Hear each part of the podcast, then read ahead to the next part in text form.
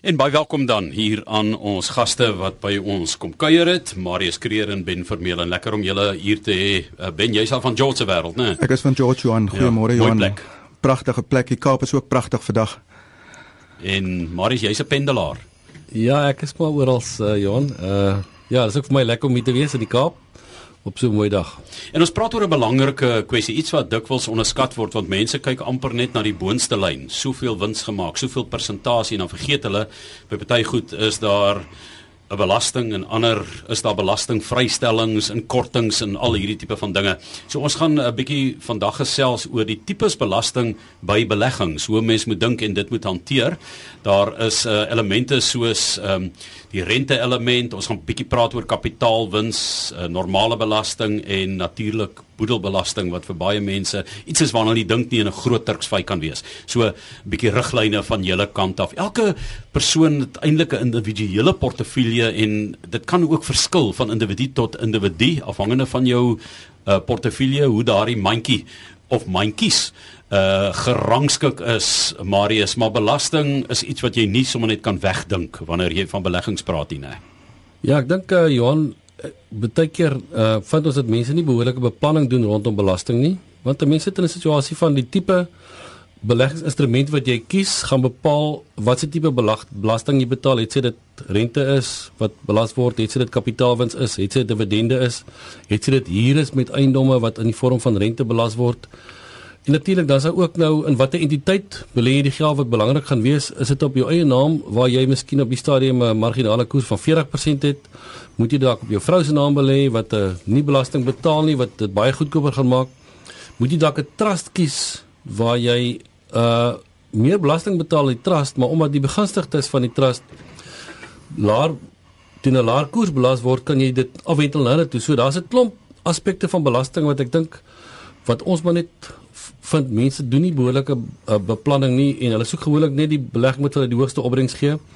En natuurlik dan raak dit laterand ook 'n tydjie 'n boedelbelastingprobleem en daai beplanning moet 'n vroeg, mens vroeg in jou lewe doen en vroeg in jou beleggingslewe want dit help nie jy wil oor 15 jaar as jou boedel gegroei het van 5 miljoen na 15 miljoen nou begin 'n geld skuif na 'n trust toe nie want dan is dit half te laat. So dis 'n klomp beplanning wat 'n mens vroegtydig moet doen en ek dink nie ehm um, mense is altyd bewus daarvan en dis altyd nie 'n fokus nie. Dit gaan eintlik maar net vir mense baie keer om opbrengs te kry. Maar is in die tydperk wat ons nou met mekaar gesels het, jy weet en dit is ehm um, seker al 'n tweede dekades of wat wat ons oor geld sake gesels, was daar nog een of twee keer as dit ware ingrepe, wetgewing wat verander het, wat vir mense geleentheid gegee het om uh, byvoorbeeld ek dink in 'n stadium was uh, jy weet dit almal mos nou 'n uh, BK gehad en dan kon jy nou BK aan 'n trust oorskakel en so. Hmm. Maar dit kom, ek meen dit is so skaars soos hoendertande wanneer 'n mens daai geleenthede en dan as dit nie daar kom deur wetgewing nie, kan dit groot koste implikasies hê soos jy nou uh, juis uiteengesit het, né? Ja, weet jy, 'n uh, ben kan ook nie inkom. Ek meen mense het mos nou verskillende entiteite en met tyd is daar skuwe gemaak op belastingvrye gedeeltes vir aftreegeld byvoorbeeld. Ehm um, toe ek begin het in die bedryf, ek dink was boedelbelasting vrystelling, die gedeelte wat vrystel was 1 miljoen, toe is dit 1.5 miljoen. Nou is dit al 3.5 miljoen. So die rente vrystelling wat jonger mense kry en mense bo 65 is nou, ek dink Ben is dit 34800 Dis 34500 Marius. En dan nou ook jonger mense het iets soos 23000 23800 vir Ja. mense jonger as 65. dit het verander. Dit was altyd dieselfde nie. So ja is daar 'n bietjie aanpassing gemaak oor tyd met hierdie goed? En natuurlik moet 'n mens dit in jou beplanning inwerk. Want laas jaar het jy beplanning miskien gedoen om te sê maar ek kan tipiese persoon wat bo 65 is kon sê net maar tipies 500 000 rand belastingvry belê wat rente betref as hy net rente gekry het. Kom ons sê hy was in 'n geldmarkfonds en ewe skielik verhoog hulle daai gedeelte en nou sy behoefte 'n bietjie anders en nou moet 'n mens in ag neem dat jy nie onnodig nie belasting betaal nie of onnodig belasting betaal. So ek dink dis maar net 'n beplanning wat wat heeltyd gedurig moet gebeur elke jaar soos wat wetgewing verander en uh toegewings verander. Marius, as ek ook hier kan inkom, ek dink die belastingdrempel wat natuurlike persone elke jaar kry, verhoog elke jaar en as jy kyk jy weet soos dit is die vlak waarop hulle vir die eerste keer begin belasting betaal. Nou vir persone jonger as 65 betaal jy eers belasting as jou inkomste meer is as R73650 tussen 65 en 75 114800 en as jy ouer as 75 is, betaal jy eers belasting as jou inkomste meer is as 128500. Nou hierdie skuwe wat of die aanpassings wat die ontvanger elke jaar vir ons gee, skep dan vir ons ruimte om weer beplanning vir ons kliënte te doen. Interessante mense nou dink nou maar eh, jy weet dis 'n algehele vrystelling van belasting, maar jy betaal jou BTW as jy gaan inkoppies koop. Daar is maar belasting en dis waaroor die ouer mense dikwels kla, maar ek dink ehm um, kom ons gaan 'n bietjie terug en ons begin by die eerste punt wat ons aangespreek het en dit is die rente element wat belas word Marius. Ja, gewoonlik wanneer ons beplanning vir 'n kliënt doen, dan sal ons 'n gedeelte van sy geld in lae risiko tipe instrumente belê. En dis gewoonlik instrumente wat nie blootgestel is aan aandele nie, maar wel miskien aan effekte, geldmark en miskien 'n bietjie eiendom. Nou die totale groei van daai behalwe eiendom miskien en effekte in 'n minimale mate is die opbrengs wat jy kry is rente. So as jy nou daai gedeelte van jou portefeulje gaan beplan, moet jy probeer uitwerk sien wat is my rente wat ek verdien op daai gedeelte van my portefeulje. Kom ons sê dit is 'n kliënt het vir ons miskien 'n aftreegeld gee 5 6 miljoen rand en ons sê vandag gaan 500 000 rand van sy kapitaal gaan aan hierdie tipe beleggings wees. En hy verdien nou 6%. Dan weet ons hy gaan 30 000 rand se rente verdien. Maar omdat sy vrystelling 34000 is as hy bo 65 is, is dit nie vir ons 'n probleem nie. Maar die oomblik as ons daai bepaling doen, dit raak 700000 wat ons dan is en dan sê ons goed, moet ons nie gedeelte van hierdie geld op sy vrou se naam sit wat nog nie haar gedeelte gebruik het, sy het ook 34000 rand. So dit dis nie daai tipe beplanning wat 'n mens moet reg doen dat jy nou nie onnodig alles op jou eie naam belê het nie en nou sit jy met 'n gedeelte wat belasbaar is wat eintlik in jou vrou se naam belastingvry kon gewees het. Ben Johan, ja, ek ek ek kan maar net daar byvoeg wat Marius gesê het, jy weet en en dit help ook nie. Ons probeer hierdie beplanning doen 3 of 4 jaar uh, na die tyd nie. Ehm um, jy weet ons kyk altyd waar is die laagste belastingkoers of dit in 'n in die man of in die vrou se naam is, dan probeer ons die belegging te doen waar die laagste belastingkoers is. Ons kyk ook of of 'n uh, man en 'n vrou binne of buite gemeenskap van goedere getroud is. Want as jy binne gemeenskap van goedere getroud is, dan is alle beleggingsinkomste in elk geval die helfte die man se en die helfte die vrou se. Ehm um, dan is daar nie veel beplanning wat ons kan doen nie. Nou verras jy 'n paar mans. Hulle het gedog is alles die vrou se. ja, ek ek dink wanneer dis, dis wat my vrou ook dink. Ehm um, Johan ek dink eh, wanneer eh, persone ook of mense met hulle ouditeure praat, eh, jy weet is dit belangrike inligting om vir hulle deur te gee wanneer hulle belasting doen.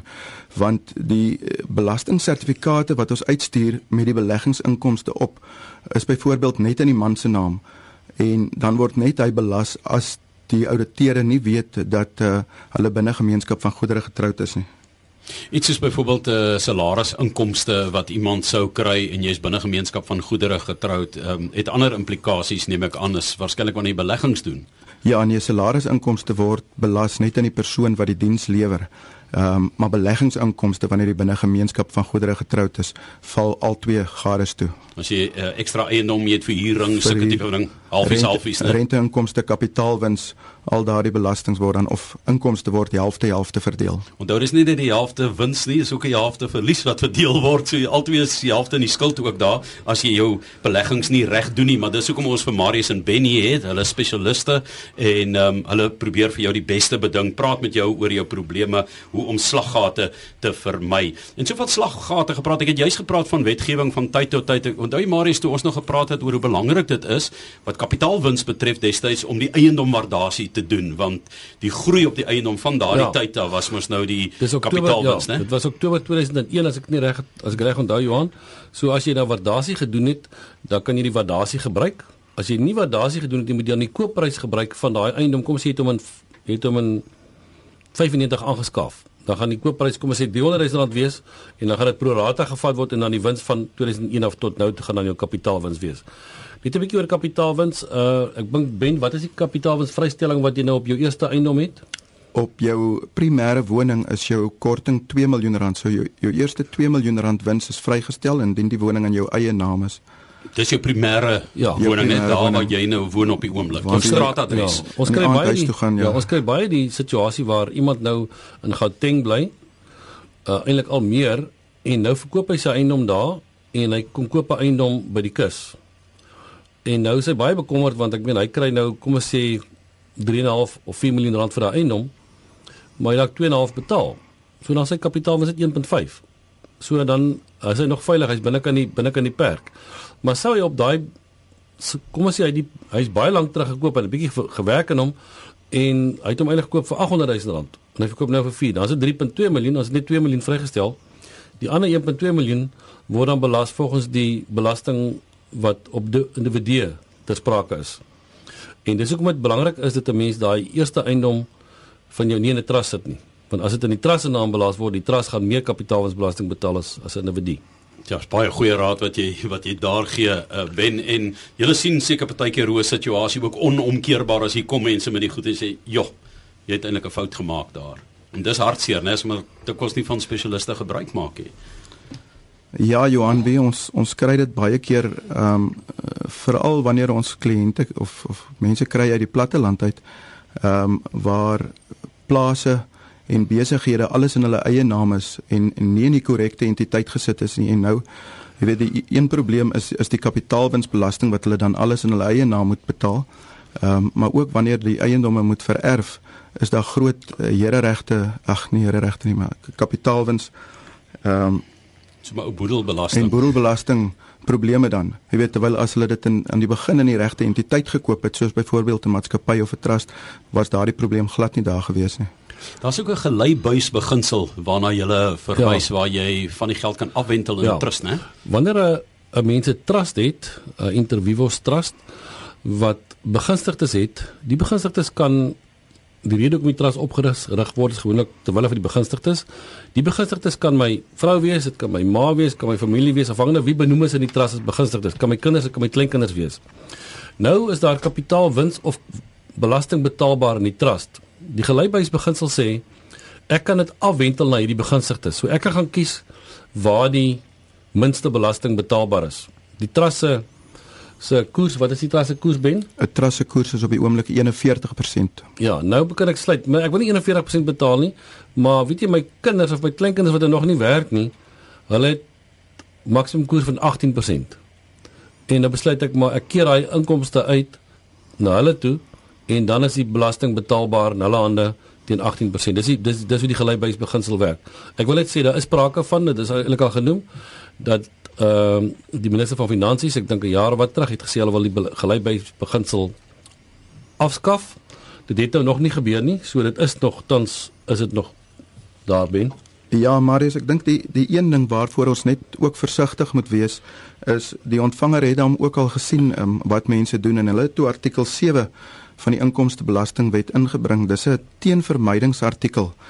En wat artikel 7 sê is hy sê as ek byvoorbeeld nou 'n miljoen rand leen aan die trust rentevry.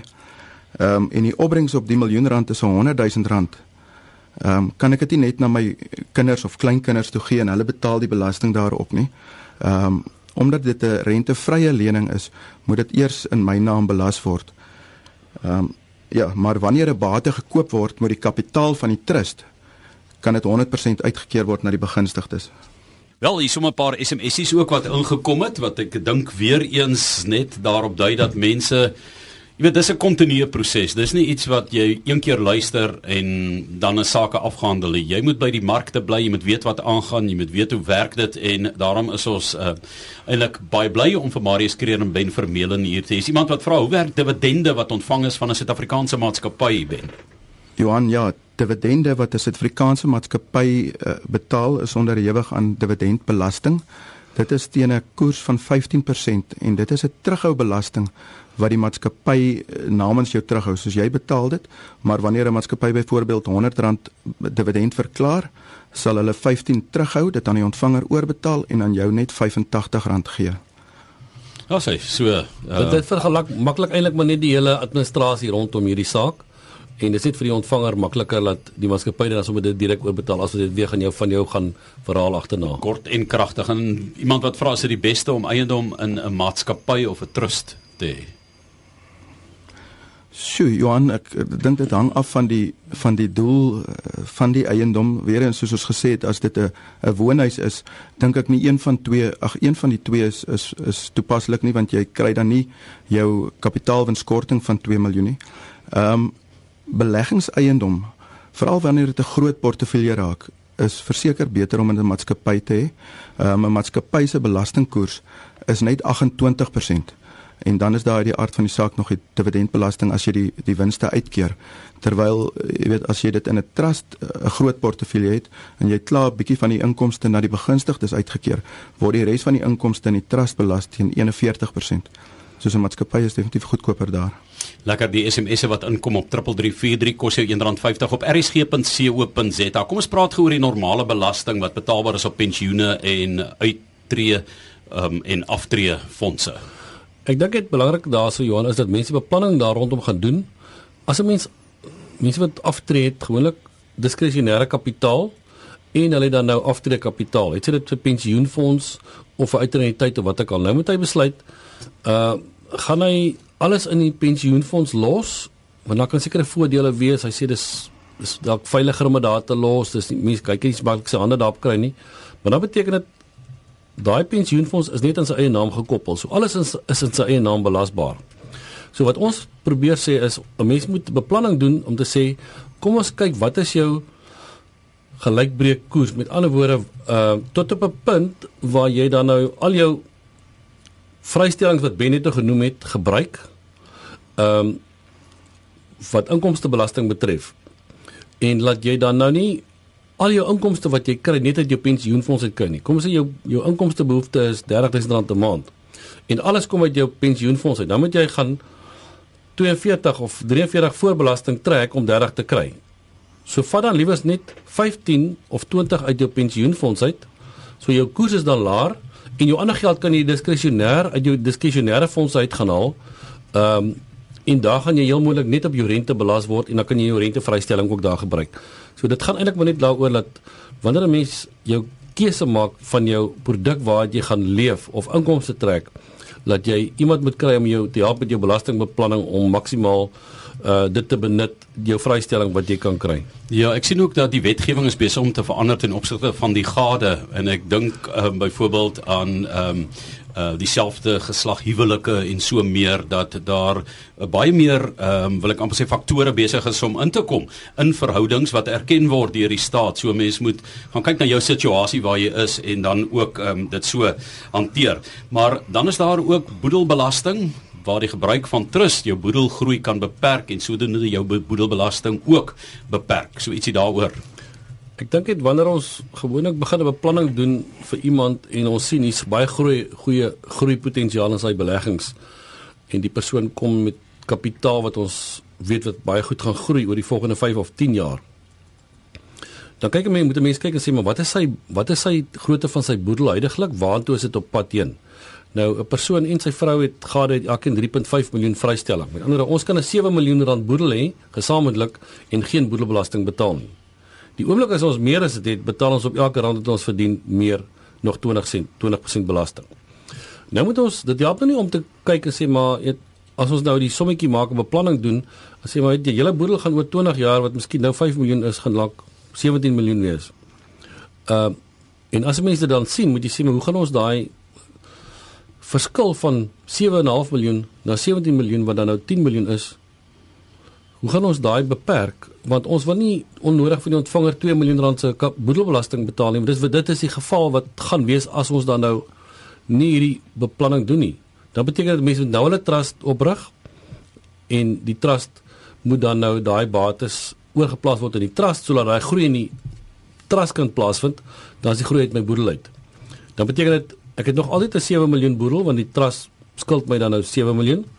Maar uh ten minste die groei van daai 7 miljoen is nou uit my boedel uit. Maar as jy dit nie betyds doen nie dan kry ons 'n situasie wat Ben net gesê het van mense kom by ons nou as die boedel klaar 20 miljoen in sy eie naam. Dan kan ons dit jy kan dit nie jy kan dit nie agteruit soos die ou mense sal sê agteruit reverse ja ja ja. Jy jy kan dit nie terug terug ver, verander nie. Ben en dis waarvan ek net gepraat mense kom daar en jy kyk daarna en jy sê ai het ons net 10 jaar gelede gesels nê of 20 jaar gelede ja Johan dis eintlik baie hartseer ehm um, Jy weet en dit is hoekom ons ook mense aanbeveel om na professionele belastingpersone, jy weet, jou ouditeur te gaan. Ehm um, hulle kan daai beplanning ook doen. Ehm um, ek wil net ook ehm um, aansluit by Marius oor die trust. Die trust se primêre doel ehm um, is nie om om belasting noodwendig te spaar nie. Jy weet dit is eerstens vir die beskerming van jou bates teen krediteure want 'n trust is 'n aparte entiteit. En dan die tweede groot doel is die bevriesing van jou boedel wat Marius nou bespreek het. Ehm um, soos jou boedel groei nie, die groei vind in die trust plaas en so spaar jy 20% uh, boedelbelasting. En dan die derde punt is ook die dit vergemaklik die oordrag van bates by iemand se dood. Ehm um, die bates hoef nie eers na 'n boedelrekening te gaan nie. Daar's geen eksekuteursfooie ehm um, op daardie bates nie. Ehm um, daar's dus geen moeite om daai bates oor te dra na die volgende geslag toe nie. Nou is heelwat SMS'e wat nou ingekom het, maar dit is ehm um, dis lang gesprekke kan ek sien. So ek gaan net weer daai telefoonnommer gee. Iemand sê gee net die nommer asseblief stadig. Sarel, hier kom hy dan spesiaal vir jou. Die nommer wat jy kan skakel is 0861 348 190 0861 348 190 en dit is die nommer van PSG Wealth Silver Lakes en George Sentraal waar jy gerus kan gesels dan met Marius Kreer vir verdere uh, advies. En uh, dan wil ek net so terwyl ons nog 'n minuut oor het, net vir jou vra vinnig Marius om op te som. Jy het lekker gekuier vandag saam met Ben Vermeulen hier by ons, maar ehm um, op die oomblik watter strategie word met fondse gevolg van mense wat kom net en sê vat vat my ja. fondse en werk daarmee. Ons dink het ons dink as risiko in die mark. Ek dink die mark wys ook vir ons die afgelope 2 weke. mark is vanoggend weer rooi. rooi. Daar is risiko in die mark met moontlike rentekoersverhogings in die FSA wat kom. Die hele situasie met Griekeland uh opkomende markte, daar is risiko. So tipiese strategie wat ons nou volg met nuwe fondse is dat waar ons in die verlede geld sou investeer het in die mark oor 3 maande, gaan ons dit deel moontlik nou oor 6 maande doen. En sodat natuurlik 'n regstelling kom in hierdie tydperk sal ons dit dalk vinniger doen.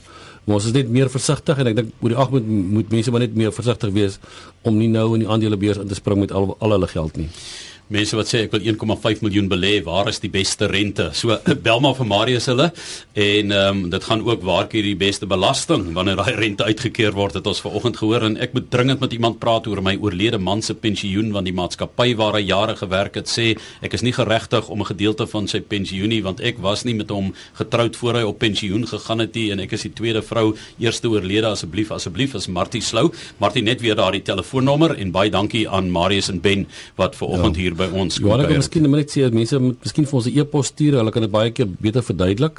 Uh hulle kan dit sommer direk vir my stuur marius.kreer@psg.co.za of ben.vermeulen@psg.co.za. Dis baie maklik. ben.vermeulen of marius.kreer by by psg.co.za. Ons het hom. Dit is hom nie te moeilik om te onthou nie en ehm um, ook onthou net weer die landlyn 0861 348 190 Nou, dankie vir die inloer, die gesels en miskien het julle 'n paar lewensboeye uitgegooi vandag vir mense en tot hulle redding gekom.